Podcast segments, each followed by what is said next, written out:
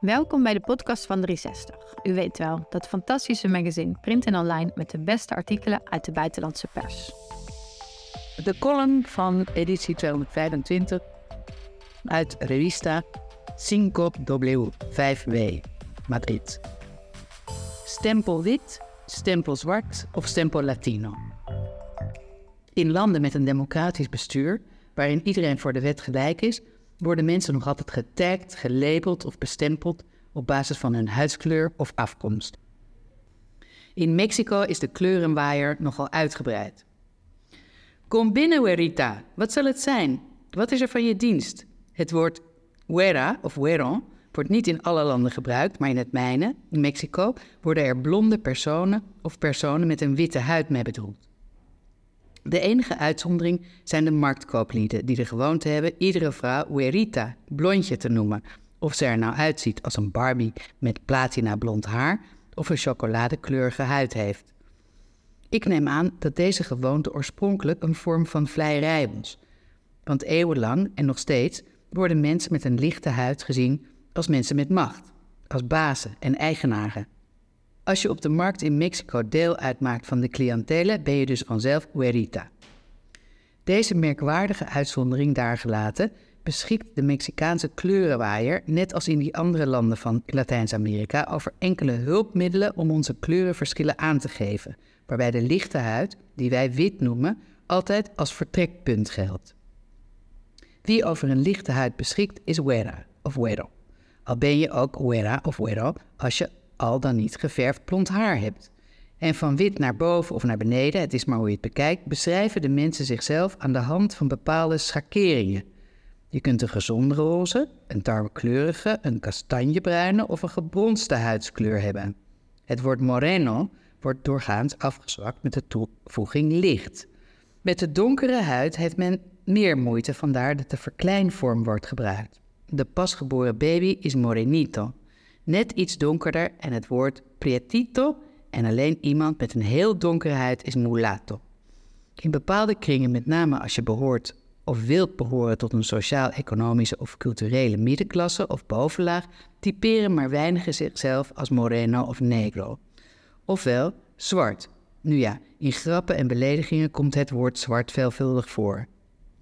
Ik ben opgegroeid in een geschoold arbeidersgezin in het Mexico van de jaren 70 en ging dus op de markt door voor Huerita. Op school, een nonnenschool met veel meisjes uit Spaanse gezinnen, voor wit en bij de kapper voor kastanjebruin. Eigenlijk ben ik het een nog het ander. Ik ben wit nog Huera. Ik heb donker kastanjekleurig haar en een kaneelkleurige huid. Maar in de denkbeeldige klasse uit mijn kindertijd en jeugd was ik een wit Mexicaans meisje dat op een particuliere school zat, een buitenlandse naam had en bovendien Engels sprak. Om te profiteren van die twee laatste eigenschappen pakte ik in 2004 mijn biezen en ging in de Verenigde Staten wonen. Eenmaal in Los Angeles duurde het geen jaar voor tot me doordrong dat ik helemaal niet was wat ik dacht dat ik was en dat ik ook nog eens van alles was waarvan ik me niet bewust was.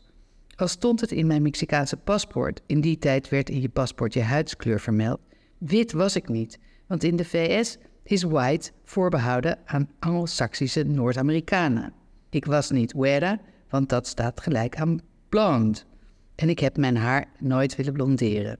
Ik had niet langer een buitenlandse naam, al bleven ze hem bij Starbucks verkeerd spellen.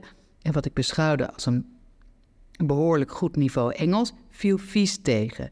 Want één ding is films zonder ondertiteling begrijpen. Schrijven over het uitgavenbudget van Californië is andere koek. Wat nog het meeste indruk op me maakte was dat het feit dat ik Mexicaans was niet zo belangrijk leek. Want toen ik in de Verenigde Staten kwam, veranderde ik prompt in brown en in Latina. Brown, immigrant, Latina, who writes in Spanish and speaks English with a funny, heavy accent. Yup, that was me.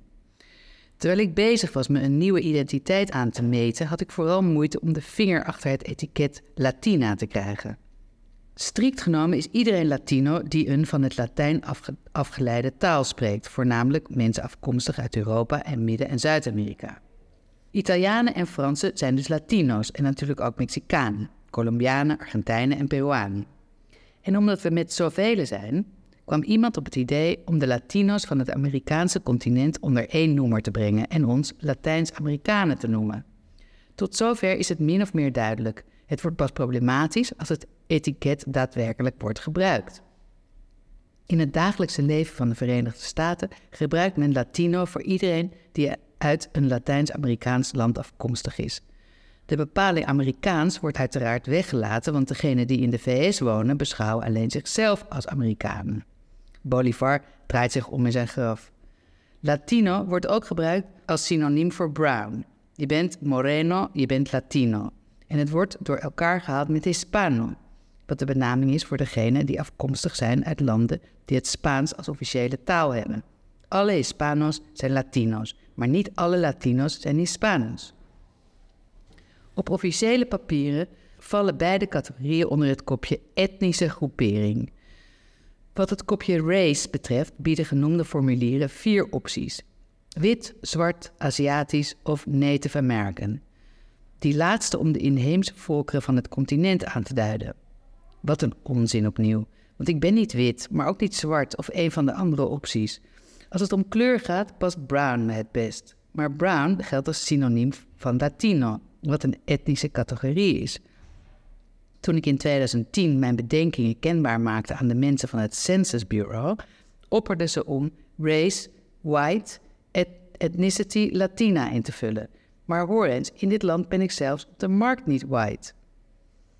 Als het voorgaande niet genoeg is om iemand in zijn identiteit te laten verstrikken, zal ik je vertellen wat me overkwam toen ik na 17 jaar Verenigde Staten besloot in Spanje te gaan wonen. Het eerste wat ze vragen als ze horen waar ik vandaan kom is wat ik vind van de Amerikaanse politiek. Ik zou kunnen antwoorden van welke van de 35 landen van Amerika. Ik doe het niet, want ik weet best wat ze bedoelen. Amerikanen, dat zijn de inwoners van de VS.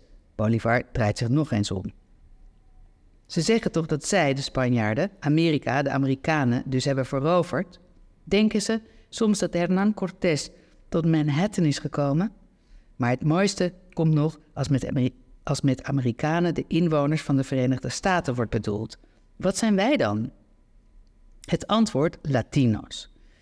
In Spanje gebruiken de Spanjaarden, dus oorspronkelijk Latino's, die ons een Latijnse Romaanse taal hebben opgelegd, het woord Latino om ons, de Mexicaanse, Ecuadoriaanse of Peruaanse immigranten, aan te duiden.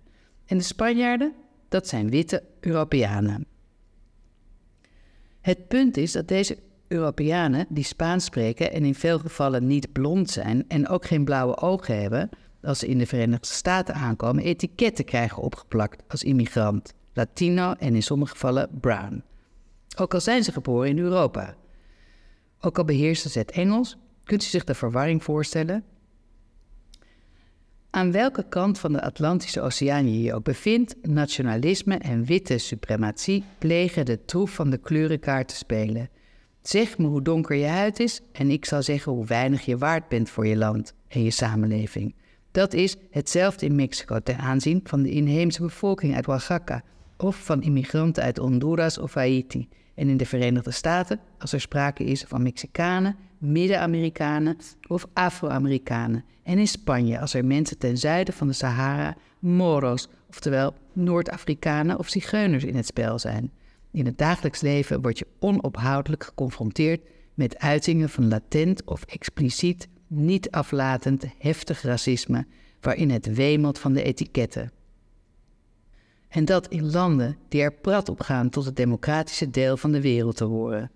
Ik schrijf dit vanuit Barcelona, nadat de Spaanse verkiezingscampagne uiteindelijk in de media werd gedomineerd door een racistische belediging aan het adres van een zwarte voetballer, die aap werd genoemd. Na afloop van de gemeenteraadsverkiezingen bleken rechts en extreem rechts in het hele land grote winst hebben geboekt, zowel wat het aantal zetels als het aantal gemeenten betreft. Heel wat leden van die partijen zinspelen heimelijk of zelfs openlijk op hun witte huid of Europese afkomst als een van de waarden die hun programma voorstaat. En hier wordt het opnieuw ingewikkeld. Hoe leggen we deze figuren uit dat er witte Latijns-Amerikanen, Duitsers met een donkere huid, Europese moslims, Latino's die Spaans nog Amerikaans zijn, of niet-nationalistische witte bestaan? Als het ons soms moeite kost de anderen en onszelf te zien als zwarte Latijns-Amerikanen, als Noord-Amerikanen die Spaans spreken, als Latijns-Europeanen, als niet-witte Spanjaarden, als niet-Noord-Amerikaanse Amerikanen, als Native Americans. Hoe kunnen we de diversiteit begrijpen en recht doen als het onszelf al zo veel moeite kost om te weten of te accepteren wat wij zijn? De column werd geschreven door Eileen Truax, een Mexicaanse journaliste. Wilt u meer van dit soort verhalen lezen of beluisteren? Ga dan naar 360magazine.nl.